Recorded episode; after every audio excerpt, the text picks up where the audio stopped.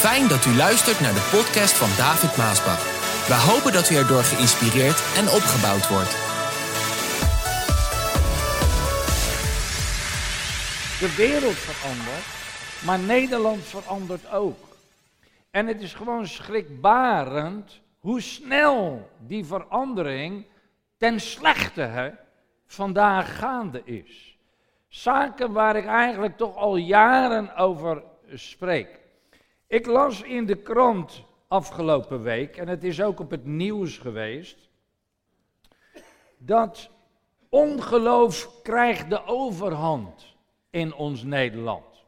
Het is schrikken als je deze dingen leest. Kijk, ik geloof niet alles wat er staat in de krant. Je moet altijd maar weer voorzichtig zijn als je de krant leest. Eh, wat je wel gelooft en niet gelooft. Maar dit geloof ik.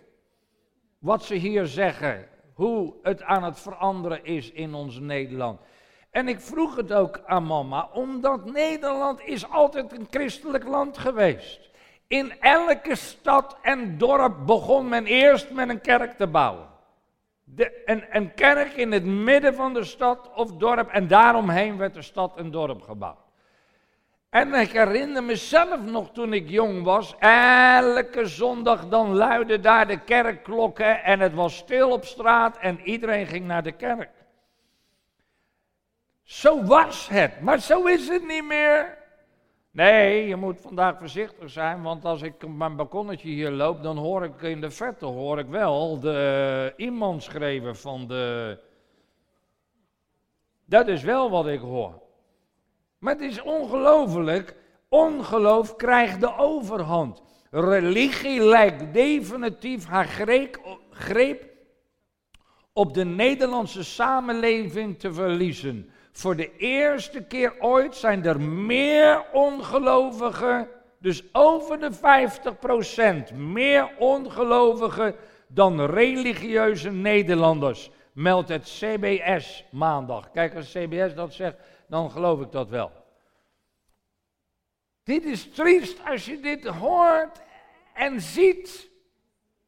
Als het iets doet in je hart, hè, de velen zien het niet, maar als je het ziet en je hoort en je leest het, hier, is de christelijke ontkerkelijking te stuiten?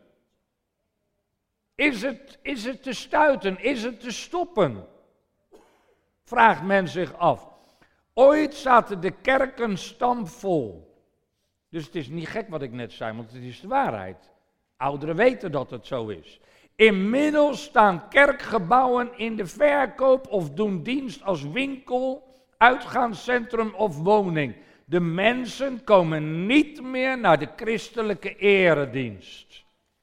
Dat is de realiteit van Nederland, christenen. Nederland voor ongelovigen en moslim. Ontkerkelijking is in volle gang.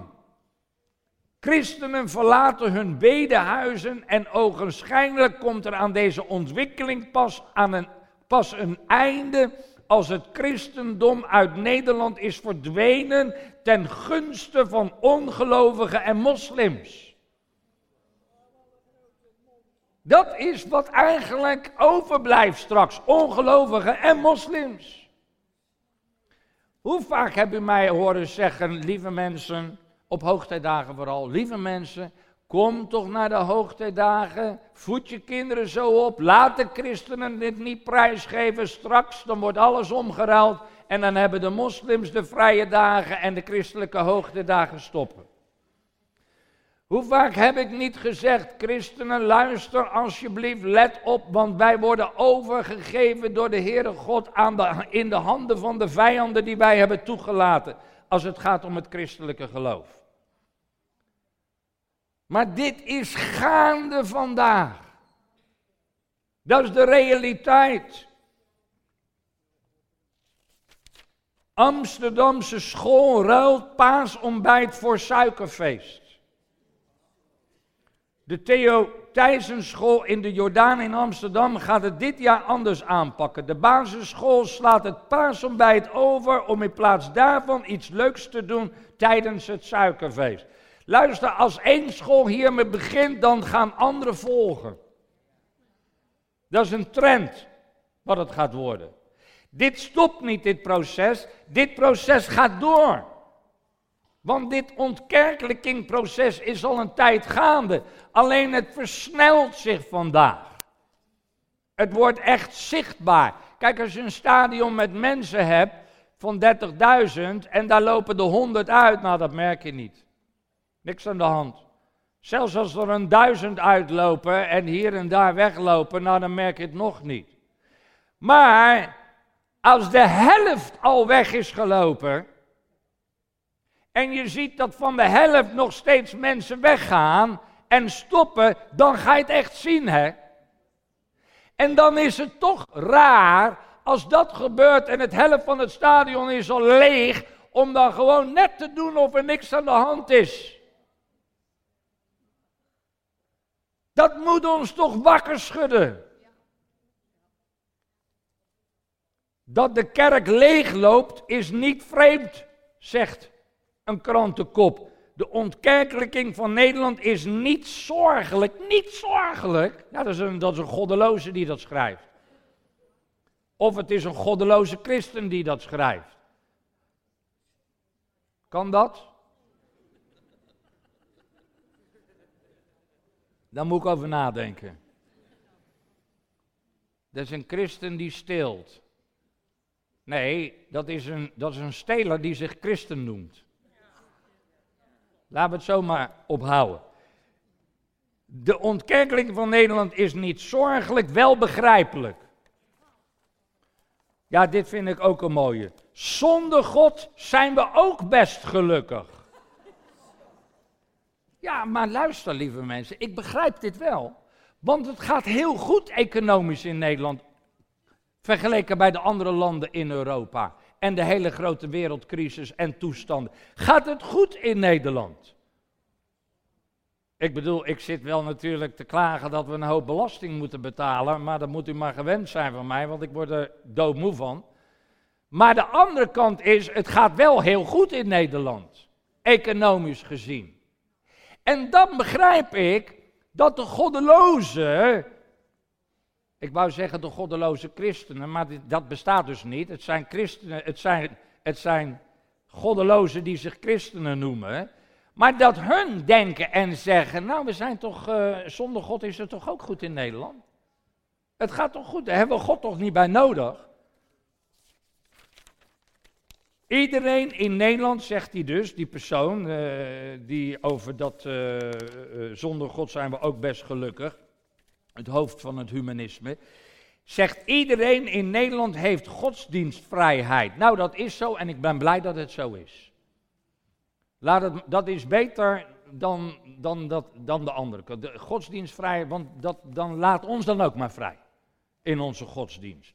Bij die vrijheid hoort ook het recht om helemaal geen godsdienst aan te hangen.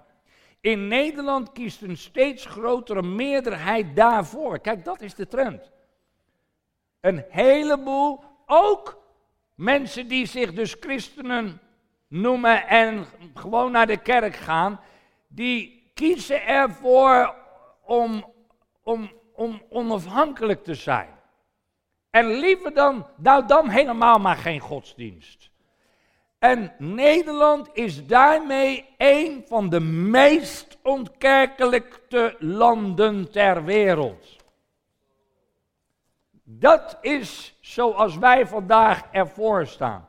Nederland is een van de meest ontkerkelijkte landen in de wereld. Dat betekent, wij hebben heel veel kerken, we hadden heel veel christenen, maar het is allemaal aan het doodgaan.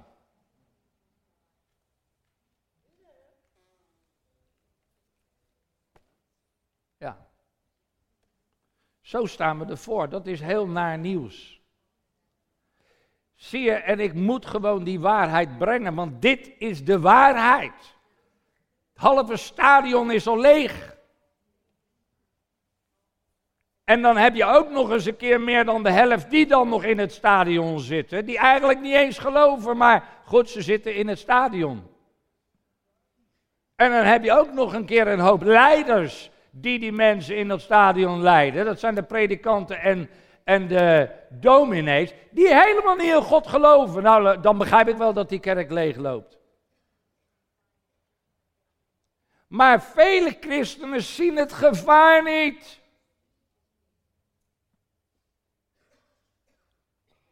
En zijn er helemaal niet mee bezig.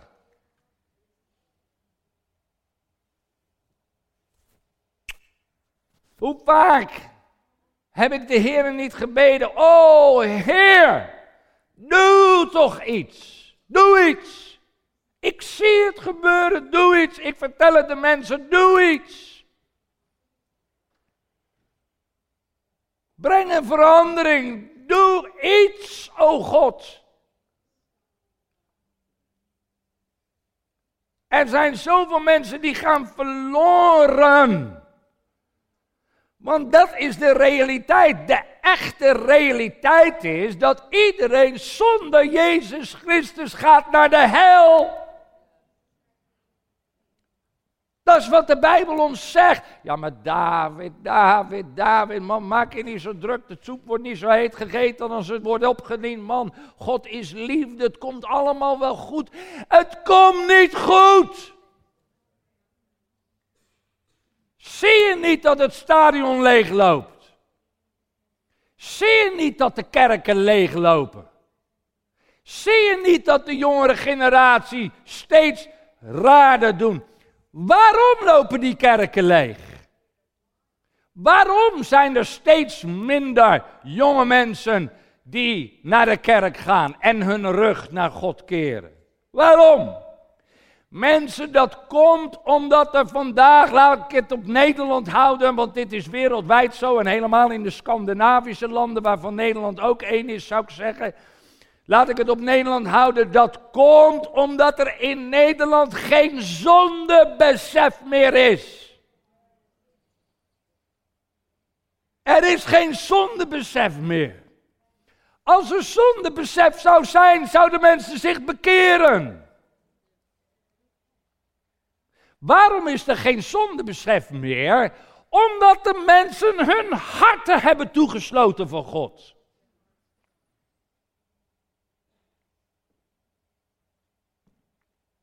Dat is de waarheid. En dan bid ik tot God, oh God, doe iets. Geef, geef wat u deed in 1958. Wat u deed in, op andere plaatsen. Heer, dat er een zondebesef zal komen. Dat de mensen hun harten zullen openen. Heer, dat ze een, een openbaring zullen hebben van uw goddelijkheid en goedheid en liefde en genade. Want ze gaan verloren. Misschien in je eigen familie. Je eigen man of vrouw, je kinderen. Doet het je iets? Doet het je iets? Je collega's, je vrienden, mensen waar je dagelijks mee omgaat. Doet het je iets dat er zoveel mensen naar de hel gaan?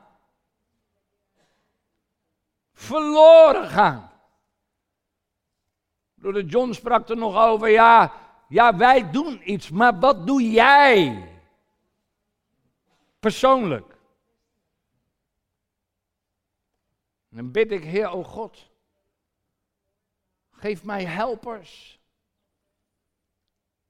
Helpers om het evangelie uit te dragen, het levende evangelie. We hebben het gehoord van, van LaDonna Osborne. Wij hoeven de mensen niet te bekeren. Wij hoeven de mensen niet te redden. Wij hoeven de mensen niet te genezen. Dat doet Hij met een hoofdletter, Jezus. Wij moeten Jezus brengen. Ik heb dat ook geschreven in mijn boek. Een stukje, zal een heel klein stukje lezen van. Ach ja, wat moet ik, dankjewel Regina wat is het, uh, eh, 316, een droom die ik had. Ik zal een stukje lezen. Hmm. Het gebeurde op een vroege zaterdagmorgen in mijn kantoor. Ik was bezig om mij voor te bereiden op de boodschap van zondagmorgen. De Heilige Geest kwam over mij en ik moest heel hard huilen vanwege de vele verloren zielen die door de tegenstand van mijn broeders en zusters ik niet heb kunnen bereiken en verloren zijn gegaan. Het was een openbaring van de Heilige Geest en ik huilde en bad, Heer, vergeef mij dat ik hen niet heb kunnen redden. Vergeef mij, vergeef mij. Het dat is zo'n moment van, moment van openbaring dat ik dat zag. Vele mensen hebben geen besef dat als je het werk van God zoals het onze tegenhoudt door wat je schrijft, zegt en doet, door negativiteit, dat je daarmee het zendingswerk schaadt, waardoor het niet uit kan gaan en waardoor daardoor weer zielen verloren gaan. Hoezeer het mij aangriep, bleek, blijkt uit een indringende droom die ik enkele weken daarvoor had. Ik stond voor een poel die uit dikke zwarte pek bestond. Ik zag dat er iemand in die poel lag. Hij zakte weg en dreigde te verdrinken. Het was een angstig gezicht en zo echt. Ik keek rond of er iemand was die kon helpen. Er was niemand. Ik besloot direct dan maar alleen de poel in de poel te stappen. Met veel moeite. Het is eenzelfde soort droom als papa heeft gehad. En in zijn boek schreef, alleen net wat anders. Maar het komt op hetzelfde neer. Ik besloot direct dan maar alleen in de poel te stappen. Met veel moeite probeerde ik bij hem te komen, die al met zijn hoofd onder het oppervlak was verdwenen. Alleen zijn hand stak nog boven de dikke zwarte laag pek, reikend naar iets of iemand die hem nog kon redden. Ik greep zijn pols, maar het lukte niet om hem omhoog te trekken. Opnieuw keek ik rond of er iemand was om mij te helpen, maar het bleef stil. Ik kon niet die persoon omhoog trekken. Ik kon het niet, het was te zwaar.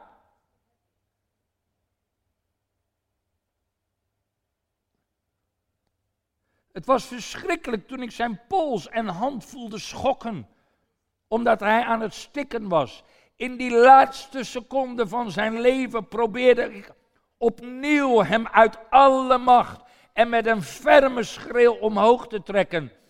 Met deze schreeuw werd ik wakker. Het droombeeld was zo werkelijk dat ik niet onmiddellijk begreep dat ik nu uit de droom ontwaakte. Was verschrikkelijk, want de droom is zo echt, hè? Ik weet niet of u dat wel eens hebt meegemaakt. Een droom is zo echt. Als je dat meemaakt. En daarna begon de geest van de Heer mij te troosten en te bemoedigen. En hij deelde mij mede hulp en werkers te sturen om de grote oogst van zielen binnen te halen. Ja. Het is vervelend om, om zo te moeten beginnen, maar ik moet het contrast tekenen. Hoe het vandaag is. Dit is de ene kant. Het is verschrikkelijk. En het gaat door ook. En, en het is verschrikkelijk. De, het resultaat van die ontkerkelijking, van die goddeloosheid. Van de mensen die hun eigen weg gaan. Al lijkt het allemaal geweldig. Hè? Het lijkt. Maar het is verschrikkelijk vandaag. De ellende. De, de gekkigheid de, de, de gekkigheid wat ik soms lees en hoor wat mensen doen is niet normaal. En hoe men reageert op die dingen. En ook de nieuwe jonge generatie, generatie en de onreinheid, hoe die vrijheid er moet zijn met de, met de, met de transgendervrijheid. Je kan vandaag een X in je paspoort krijgen. Want je wil niet vrouw of man. Wat een bezopenheid. De, de, de, de vrijheid aan die enorme homofiele drang en drive om maar, om maar vrij moet. En, en zo kan ik er heel wat opnoemen. De euthanasie, de abortus. Het is, het is verschrikkelijk hoe, hoe vandaag Sodomachtig, goddeloos Nederland aan het worden is. En dit, is, dit stopt niet. Het is allemaal maar oké, want zonder God zijn we toch ook best gelukkig. Maar weet u wat ik zo blij om ben? God, die verhoort mijn gebed toen hij troostte en zei, ik zal je helpers sturen. Want weet je wat ik vandaag zie, ook in deze plaats? Dat de Heer is bezig met een heel nieuw leger in een nieuwe generatie. Vandaag. In al die goddeloosheid. Een nieuw leger voor God in een nieuwe generatie. Een, een onmogelijk iets. Eh, eh, een van mijn quotes is, komt ook in, ik geloof het aankomende nummer Nieuw Leven, dat vandaag zijn er velen die geloven niet meer in een opwekking dat dat mogelijk is. Maar bij God is alles mogelijk. Misschien komt er nog een geweldige opwekking van een nieuw leger in een nieuwe generatie. New gen. New gen, new generation, nieuwe generatie. En God is ermee bezig. Het is een generatie, ik zie het om mij heen. Ik zie het ook in aan mijn eigen gezin en kinderen, maar ook van broeders en de zusters en familie, maar in de gemeentes, overal in de gemeentes zie ik dit gebeuren. En ook jonge mensen hier, je ziet het hier, je hoort het hier.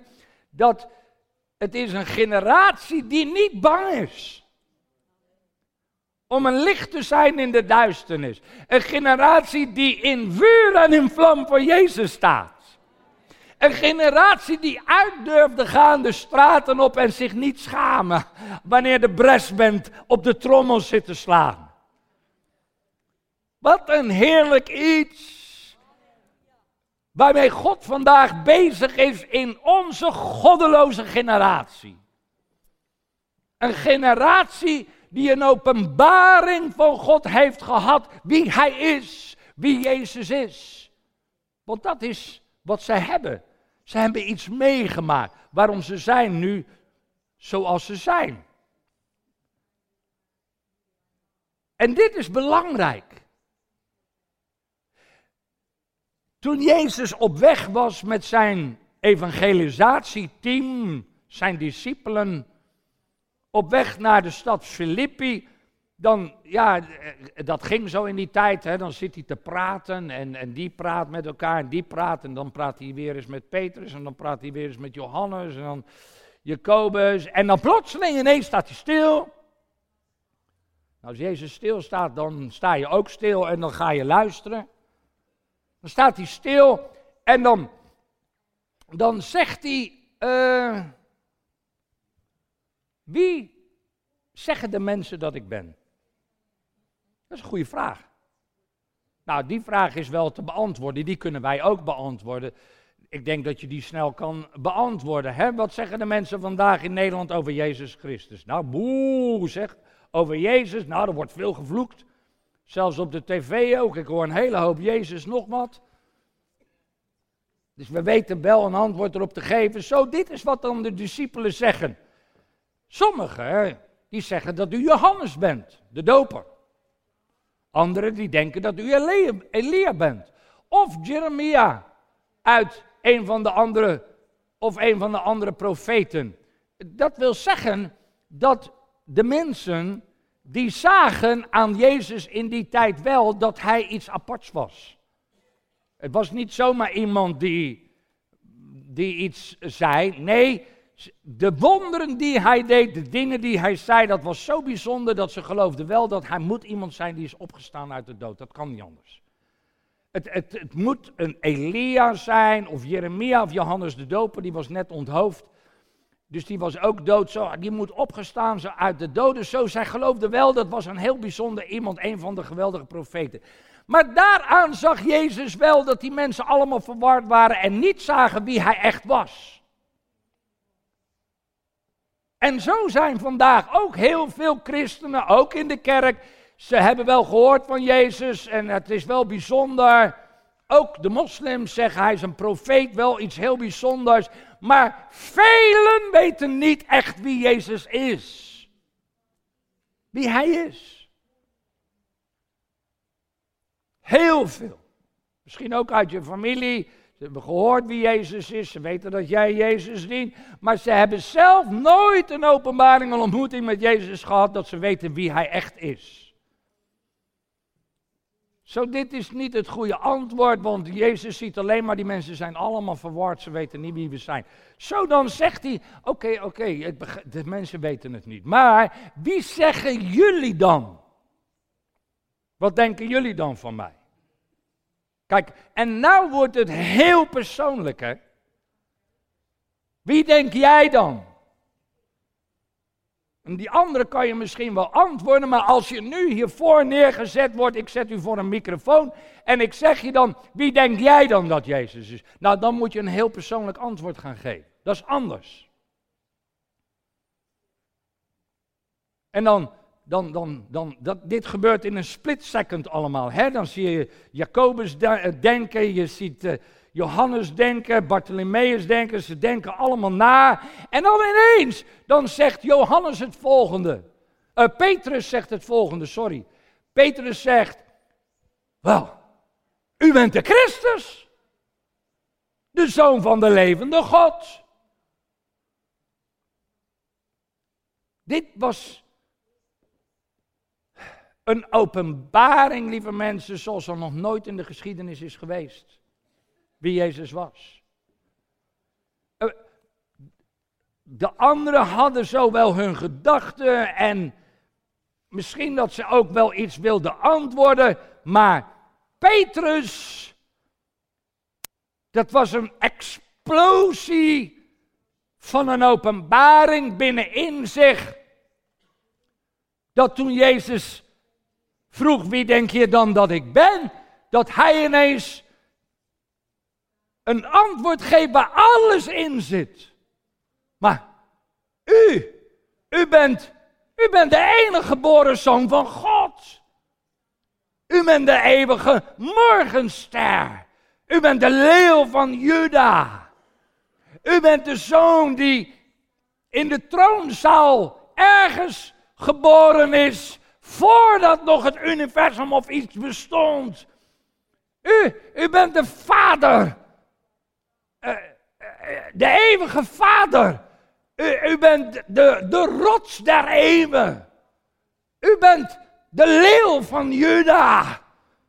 U bent het begin en het einde, de alfa en de omega.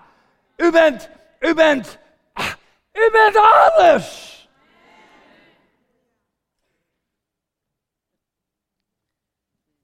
Dat was een openbaring dat hij ineens de eeuwige zag. Alles in dat ene woordje, u bent de Christus, u bent alles. Alles draait om u. U bent de schepper. U was al voordat iets geschapen. Dat, luister, zo'n openbaring.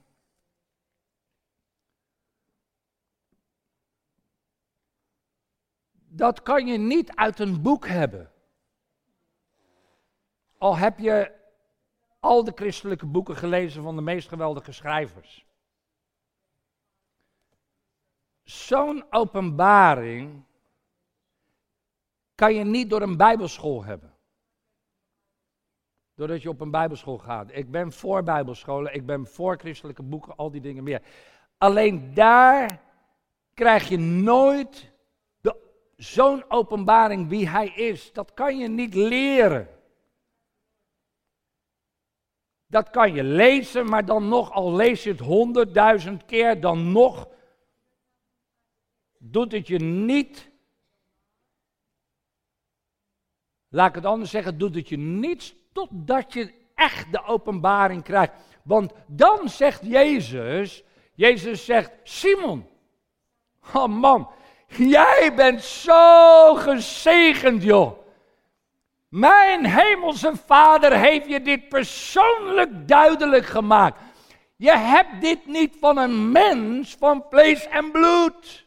Je hebt het niet uit een boek, je hebt het niet van een school, je hebt het niet van een prediker. Je hebt het van mijn vader. Die, die opent ineens jouw geestelijke ogen, zodat jij de waarheid ziet wie ik echt ben.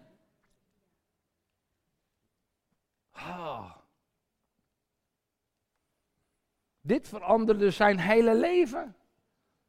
Het zijn openbaringen die je krijgt, lieve mensen. We hebben het er pas nog over gehad. Het zijn van die momenten.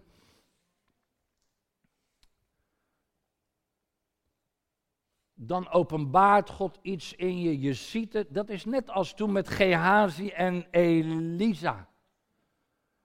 Elisa liep daar met dat uh, leger. En uh, Gehazi, die knecht, die liep daar. Ze gingen naar Samaria toe. En dan, die knecht is helemaal bang. En Elisa zegt, waarom ben je bang, bang man? Degenen die voor ons zijn, zijn meer dan degenen die tegen ons zijn. Ja, oh ja, zegt. Nou ja, dat begrijp je allemaal niet. Je begrijpt dit soort boodschappen ook niet als niet de Heilige Geest je verstand opent. En als de Heilige Geest niet je geestelijke ogen opent. Daarom kan je elke zondag naar de kerk gaan en op een gegeven moment denk je, nou, het was weer een aardige boodschap. Tenzij de Heilige Geest iets opent. En je iets laat zien wat je niet zelf kan zien. En dan opent, dan zegt Elisa, och heren, open toch zijn ogen. Bam! En het ging open. Wat ziet hij? Allemaal vurige paarden, wagens en engelen om hun heen. Het zijn dingen die kan je niet leren, die kan je niet zien met je eigen natuurlijke ogen. Daarom zijn we bang, daarom zijn we bevreesd, daarom doet het ons vaak niks. Totdat je het ziet.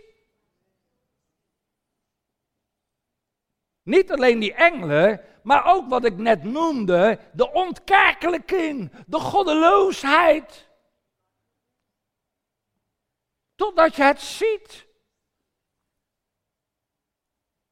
En dan zegt Jezus, man Petrus, God in de hemel heeft jouw ogen geopend. Jij ziet het wie ik echt ben. Mooi hè?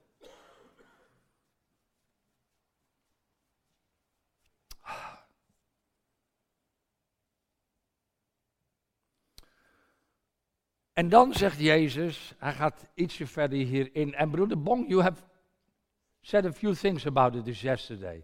I was not afraid that you would, uh, would uh, mow away the grass for my foots. Hoe weet die? Mow away. Ik lijk wel die voetbaltrainer, hoe heet die? Van Gaal, die spreekt ook zo Engels. Mow away the grass for my foot. In Nederland zeg je het gras van mijn voeten wegmaaien. I was not afraid. It was right what you said. En dan zegt de Heer Petrus, de rots, jij bent de rots waarop ik mijn gemeente zal bouwen. Kijk, dit is een uitspraak waar de hele katholieke kerk man gaat nu. Want zij, en de katholieke kerk is groot hoor, je praat nog altijd over een miljard mensen over de hele wereld die in dat systeem zitten. Want zij nemen Petrus als de eerste paus waar zogezegd die katholieke kerk op gebouwd is. Daar ga ik verder dan niet op in, maar zo, zo zien hun dat. Maar dat is helemaal niet zoals Jezus het bedoelde. En Trouwens, het is niet alleen voor de katholieke kerk, het is ook voor allerlei andere kerken die op voorgangers en op predikanten en dominees uh, uh, hun leven bouwen. Dat is niet zoals God het wil. Ik zeg ook vaak genoeg, lieve mensen, je moet mij niet als een God beschouwen. Ik ben een mens van vlees en bloed. Wel uitgekozen, dat moet je respecteren maar toch een mens van vlees en bloed. En dat was Petrus ook. En Jezus bedoelde helemaal niet dat hij de kerk op Petrus ging bouwen. Dat was helemaal niet zijn bedoeling met de uitspraak: Petrus, jij bent de rots waarop ik mijn gemeente ga bouwen. Hij zegt: Petrus, jij bent een rots. Ofwel, je kan ook zeggen: jij bent een steen. Nou, dat zijn wij ook. Wij zijn ook levende stenen. Net als Petrus. Wat Jezus bedoelde hiermee is: Petrus, luister. Jij bent een steen. Rots kan je ook zeggen. Jij bent een steen. Die openbaring die God jou gaf, hè, dat ik de Christus ben, de schepper, de zoon van God. Nou, al die dingen wat ik net ook genoemd heb, hè, die openbaring dat hij het allemaal is. Petrus, ik ben degene die de kerk bouwt. Ik ben dat fundament waar ik mijn kerk op ga bouwen. Jij bent die steen. Jij bent die eerste steen die ik neem om op mij, op die openbaring, op mij, de Christus, daar ga ik mijn kerk op bouwen. Ik neem jou als een steen, ik leg het op mij als fundament en daar ga ik mee bouwen. En zo zijn wij ook levende stenen, die net als Petrus op het fundament van die openbaring dat Hij het is, waar Hij vandaag ook nog steeds de kerk bouwt. Petrus zelf had dit ook door. Hij begreep dit. Vele mensen begrepen het niet. De katholieke kerk begrijpt dit ook niet. Maar Petrus, die begreep het wel. Als hij zegt, ga naar Christus toe, zegt Petrus. Als hij dat fundament zou zijn, die rot zou zijn waar de kerk helemaal op gebouwd was, dan zou die eigenlijk moeten zeggen: Kom naar mij. Ik ben die rots waar die hele kerk op staat. Nou, laat ik je dit vertellen. We zijn mensen van vlees en bloed. En Petrus kennende, die hele kerk had in elkaar gedonderd. Want Petrus donderde ook in elkaar. Toen met die verlogening. En u en ik, wij hebben momenten, dan donderen we ook in elkaar. Dan zien we het niet meer zitten. Dan zijn we bezwaard. Oh, worden we aangevallen en noem maar op. Wat ben ik zo blij ook met dit ganse werk dat het op de rotsfundament van Jezus Christus is gebouwd. Lieve mensen, alleen dan houdt het stand wanneer de onweer komt, de winden waaien, de stormen komen. Petrus zegt, ga naar Christus toe. Dat is wat wij moeten doen. Naar Christus toe gaan. Hij is de levende steen waarop God zijn bouwwerk neerzet. Ook vandaag is Jezus de steen, het fundament waarop God zijn kerk bouwt. Hoewel de mensen hem hebben afgewezen, is hij voor God zo kostbaar dat hij hem uit alle anderen heeft uitgekozen. Niet Petrus, uit alle anderen van de discipelen Petrus uitgekozen. Petrus was niet beter. Ik ook niet. Als het erom gaat, gaan we allemaal verloren. En dan hebben we gezondigd, derven we de heerlijkheid Gods. Hij zegt, Petrus zegt, u bent ook de heilige priesters die door Jezus Christus geestelijke offers brengen die voor God aanvaardbaar zijn. In de boeken staat het zo. Ik, God, plaats een steen als hoeksteen in Sion. Een kostbare steen die ik heb uitgekozen. En wie op hem vertrouwt, wordt niet teleurgesteld. Wie op Jezus vertrouwt, wordt niet teleurgesteld. Wie op Jezus vertrouwt, wordt niet teleurgesteld. Wie op Jezus vertrouwt, wordt niet teleurgesteld. Niet wie op David vertrouwt. Niet wie op Petrus vertrouwt. Wie op hem vertrouwt. Dat is de waarheid van de boodschap die wij prediken. Hij is het fundament. Hij is de rots waarop dit werk en de gemeente gebouwd is. Daarom weet ik dat het stand houdt. In alle stormen die er komen. En mijn leven ook. En uw leven als priesters en levende steen die ingezet is in dat huis op de rots Jezus zal ook stand houden. Als je op hem vertrouwt. Dan gaat Jezus verder. En dan zegt Jezus, de poorten van het dodenrijk zullen nooit macht over haar krijgen. Hij zegt eerst, ik ga die kerk bouwen. Ik doe dat op mijn fundament, want ik ben het. Dat heeft God jou zelf nu net geopenbaard. Ik neem jou als een steen, ik leg het op een fundament. De kerk begin ik nu te bouwen. Jij bent degene die God heeft uitgekozen om dit te openbaren. Zo God gaat ook jou gebruiken, Petrus. Er gebeurde daar heel wat heen, dat momentum. En dan zegt hij, de poorten van het dodenrijk zullen... Waarom, vraag, vraag. Waarom spreekt Jezus hier over poorten? Vind ik mooi. Waarom? Luister, lieve mensen, poorten zijn belangrijk. Dit is een poort, dit is een poort. Poorten zijn belangrijk. Je hebt een geestelijke poorten ook, hè? Dit, wat binnenkomt, wat je toelaat. Dit is een poort, wat uit. Poorten in het Oude Testament waren ook belangrijk. Die steden waren ommuurd en in die muur had je poorten. En die poorten waren zo belangrijk die moesten bestand zijn tegen de stormrammen, tegen de katapulten, tegen de aanvallen van de vijandelijke legers. Die moesten sterk zijn. Een sterke poort betekent een sterke stad. Daar kom je niet zomaar binnen.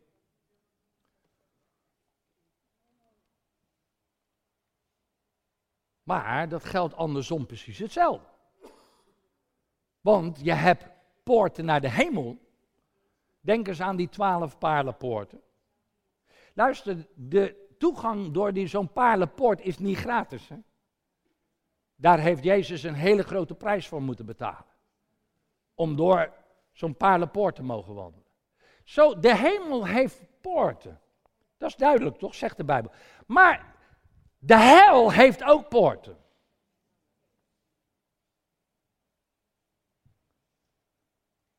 Een poort daar ging het leger door naar buiten om de vijand aan te vallen. Maar een poort was ook belangrijk als de vijand binnen wilde komen. Om ze tegen te houden. Nou, die poorten van de hel, hè. Die poorten van de hel, daar zat ik aan te denken. Die poorten van de hel. Weet je dat er vandaag, waar we het over gehad hebben met die ontkerkelijking en de goddeloosheid, hè? weet je dat er vandaag heel veel mensen, misschien in je eigen gezin of familie, leven achter de poorten van die hel.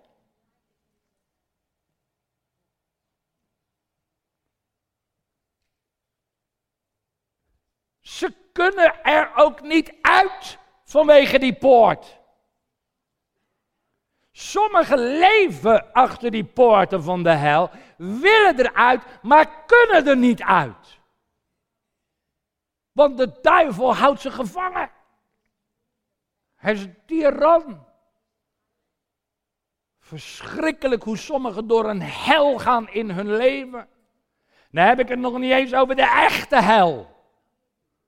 Van zwavel en vuur. Ik heb het over die poorten van de hel, waarachter Satan elke keer zo'n aanval uitricht. Op jouw leven. Op het zendingswerk. Op de dienstknechten van God al die aanvallen die er zijn vandaag. En dat zijn er veel. Kijk mensen, als je die openbaring niet hebt, dan is dit een aardige boodschap, maar het zal ook verder niet veel doen. Vanavond zeg je gewoon, nou was wel aardig, was wel een mooie boodschap. Maar zo'n openbaring maakt dat je huilt zo'n openbaring maakt dat van, och Heer, wat kan ik doen? Hoe? Hoe dan, Heer? Gebruik mij dan. Eh, laat mij zien. Hoe dan? Kijk, en weet je waar ik zo blij om ben vandaag? God is bezig met een nieuw leger in een nieuwe generatie. Want de kerk zoals broeder Bong ook gisteren even zei, de kerk, en velen zien de kerk zo, hè? En, en zeker in de traditionele kerken, maar ook vandaag in evangelische, zelfs pinksterkringen, die zien de kerk als een verdedigings... Passief, hè? Passief. Ja, broeder David, je moet vooral niet, zeg niet te veel. En broeder David, zeg alsjeblieft ook niet te veel over de kerk, want er kijken veel kerkmensen naar Family 7. Ho, ik moet het juist zeggen. Niet iedereen hoeft dat, maar God roept mij om juist tegen de christenen en de dominees en de voorgangers en de predikanten en de kerkse bakken te schudden en te zeggen: Er is een ontkerkelijking gaande, er is een oorlog gaande. Wat zijn dat mijn woorden? Dat zijn niet mijn woorden. Paulus zegt het in Efeze 6. Hij zegt: Wij vechten niet tegen mensen, wij vechten tegen onzichtbare wezens. De duivelse heersers en machten die deze donkere wereld tyranniseren. Boosaardige geesten in de onzichtbare wereld om ons heen. Wij hebben een oorlog te voeren. En het gaat om zielen. Mensen, eigen kinderen, vrienden, familieleden, die achter de poorten van de hel zijn en verloren gaan. Kijk, en dit is de realiteit wat ik altijd weer zie. Door de Heilige Geest, er is een oorlog. En velen lijden pijn. En worden getyranniseerd, zitten in allerlei fobies, in depressies, in angst, in vrees, in allerlei onreinheid, in allerlei toestanden. Ze worden geterroriseerd door de boze. Ze worden gefolterd. En uiteindelijk, uiteindelijk gaan ze helemaal kapot naar de hel. En daarom ben ik zo blij met de helpers die beginnen te komen. Ik ben zo blij met een nieuwe generatie die begint te komen en in vuur en in vlam staan. Die die openbaring hebben en, en die zichzelf willen geven om samen met mij en alle om mij heen, om de helpoorten te bestormen. Wij zijn niet een kerk die passief is. We zetten de aanval in. Nou, David, ga jij je gang maar, jongen. Ja, ik ga zeker mijn gang. Luister wat ik zeg. Met of zonder jou, ik ga mijn gang. Ik heb ook van die prachtige films gezien, uh, John, waarin zo'n leider van zo'n stam, weet je wel, dan ging die de aanval inzetten, anderen verlieten hem en hij ging gewoon alleen. Hij liet zich niet stoppen, hij ging ervoor om. En dan zie je hem staan tegenover een lege mensen. Dan denk je, dat, dat, is, dat wordt helemaal niks. Maar luister, lieve mensen, je vergist je. Want hij die in mij is, is sterker dan die hij die buiten mij is. En als God voor mij is, wat kan een mens mij dan aandoen? Ik durf die helporten de bestormen niet uit eigen kracht, want dat is wat mensen gedaan hebben, dan verlies je het. En dan op een gegeven moment dan ben je uitgebrand en, en heb je burn-outs en depressief en alles en zo eindigt het. Nee, lieve mensen. Ik denk dat er nog een geweldige revolutie zal zijn. Van een leger waar God mee bezig om is om in de donkerste tijden die helporten te bestormen. Maar uh, hoe dan? Nou, Paulus die spreekt dat wij wapens hebben. Jezus zegt, ik zal je de sleutels geven van het koninkrijk van de hemelen. Alles wat je op aarde bindend verklaart, zal ook in de hemel bindend zijn. En alles wat je op aarde ontbindt, zal ook in de hemel ontbonden worden. Wij hebben sleutels. En Petrus was degene die die doorhad. Op die Pinksterdag gebruikte hij de sleutel. De Heilige Geest is een sleutel waarmee hij het evangelie bracht aan de Joden. Handelingen 3 gebruikte hij de sleutel om genezing voor te brengen. Later in het boek van Handelingen gebruikt hij de sleutel om het evangelie aan de niet-Joden te brengen. En God was met hem. Nou, dat is de tijd waarin wij vandaag leven. Want onze wapens zijn niet vleeselijk, zegt, uh, zegt Paulus. Onze wapens, zegt in Korinthe, uh, ik ben een gewoon mens, zegt Petrus. Ja, ik ook. U ook toch? Ik ben een gewoon mens. Maar ik ga niet op menselijke wijze te werk om de strijd te winnen. Ik strijd met Gods wapens. Iets met, niet met menselijke om elke tegenstand te breken. Ik heb geen vleeselijke wapens. Daarom, lieve mensen, zal je mij nooit op een manier horen spreken over andere werk of andere dienstknechten. Ik ben op die poorten van de hel gericht en op de Satanen. Satan haat mij en ik haat hem. Ik haat hem. Haten mag je niet gauw zeggen, hè? maar hem mag je haten. Ik haat hem, ik haat zijn werk, ik haat al zijn medelangers, ik haat al die boze werken. Ik haat het, Jezus haatte het en hij kwam om die werken van Satan te verbreken. En wij hebben de sleutels en de kracht en de wapens om die poorten te bestormen, niet passief te zijn.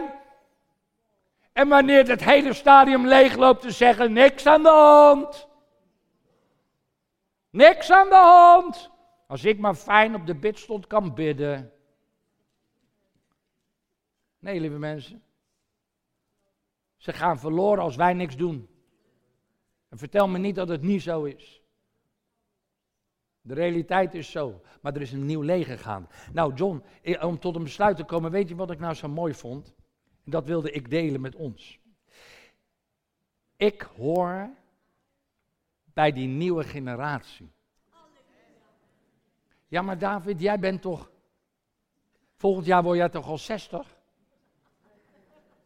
Ja, maar ik hoor bij New Gen.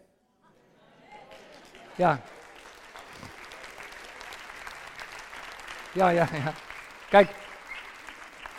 United through him, we are new gen. Ik hoor bij die nieuwe generatie. En weet je waarom ik dit kan zeggen, John? Weet jij nog, jaren geleden, toen moesten we nog door die dingen heen. Toen zei ik tegen jou, John, ik wil dat we samen bij Jozua en Caleb horen. Ja, antwoordde nog, uh, David, wij zullen bij Jozua en Caleb horen en als overwinnaars uit de strijd komen. Want kijk, dit, ik zat in het begin, toen dit allemaal begon te ontwikkelen, nieuwe generatie, new gen. Toen dacht ik in het begin alleen maar over die nieuwe generatie jonge mensen. Mijn kinderen en, en de kleinkinderen, die maar de Heer bepaalde mij erbij. Nee, David, jij hoort bij die nieuwe generatie met al je leeftijdsgenoten. Mam, u hoort er ook bij. Want die nieuwe generatie, die nieuwe generatie, dat is de generatie van Joshua en Caleb. Dat waren degenen met een andere geest. Dat waren degenen. Caleb was 80 toen hij het land in bezit ging nemen. Hè? En hij nam het moeilijkste berggedeelte met de waterbron. Lieve mensen, luister. Al ben je 80, je kan het niet afschuiven op een jongere, nieuwe generatie. Oh ja, die nieuwe generatie. Nee, jij. 70 jaar, 80 jaar. Als jij de geest hebt in dit geval tot de ouderen wil ik zeggen u. Als u de geest hebt van Jozua en Caleb, die in vuur en in vlam voor Jezus stond, die stand wil innemen, die niet mee wil gaan met die tien negatieve tongen en verspieders, die allemaal om zijn gekomen in de woestijn, dan hoor je bij New Gen.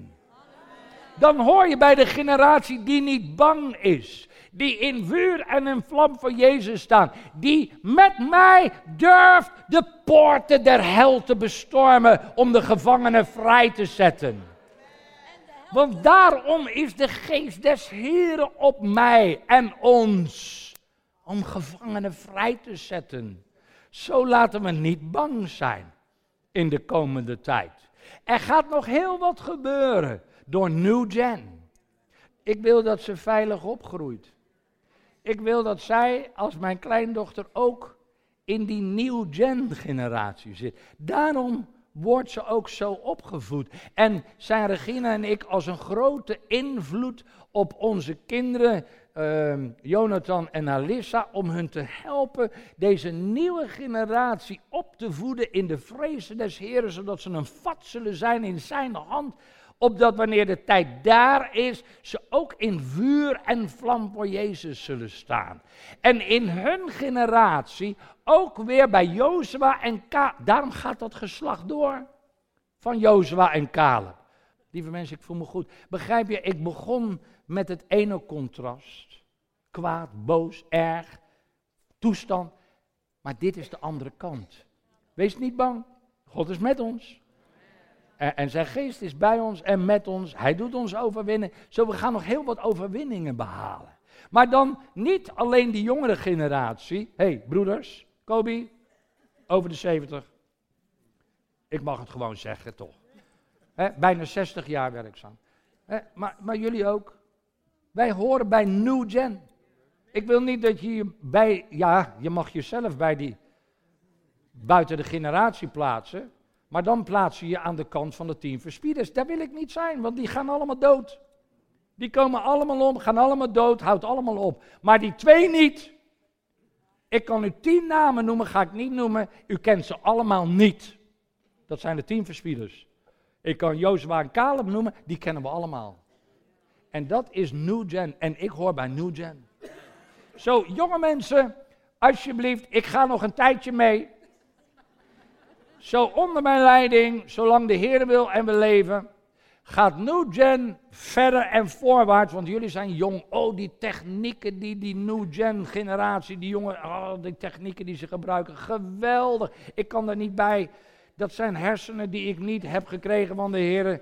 Met al die technieken. Hun wel. Ze halen alles uit die apparaten voor een nieuwe generatie. En laten we samen als nieuwe generatie, Heer. Ik dank u voor deze boodschap. Wij horen bij de generatie van Jozua en Caleb. Wij horen niet bij de generatie van de tien verspieders, die allemaal zijn omgekomen. Wij horen bij Jozua en Caleb. Wij hebben een andere geest, heren. We hebben uw geest waarmee wij de poorten der hel zullen bestormen. Waarmee wij in de kracht van de Heilige Geest, in de naam van Jezus Christus, die zielen zullen bevrijden die achter die poorten van de hel gevangen zitten. Heer, opdat uw huis vol zal worden. En dat we vele getuigenissen zullen horen van mensen die bevrijd zijn geworden door Jezus Christus alleen. En daarom bid ik u voor een openbaring, zoals Petrus had. Heren, dat we die allemaal zullen hebben, een openbaring van wie u echt bent. Dank u wel. In Jezus' naam. Amen.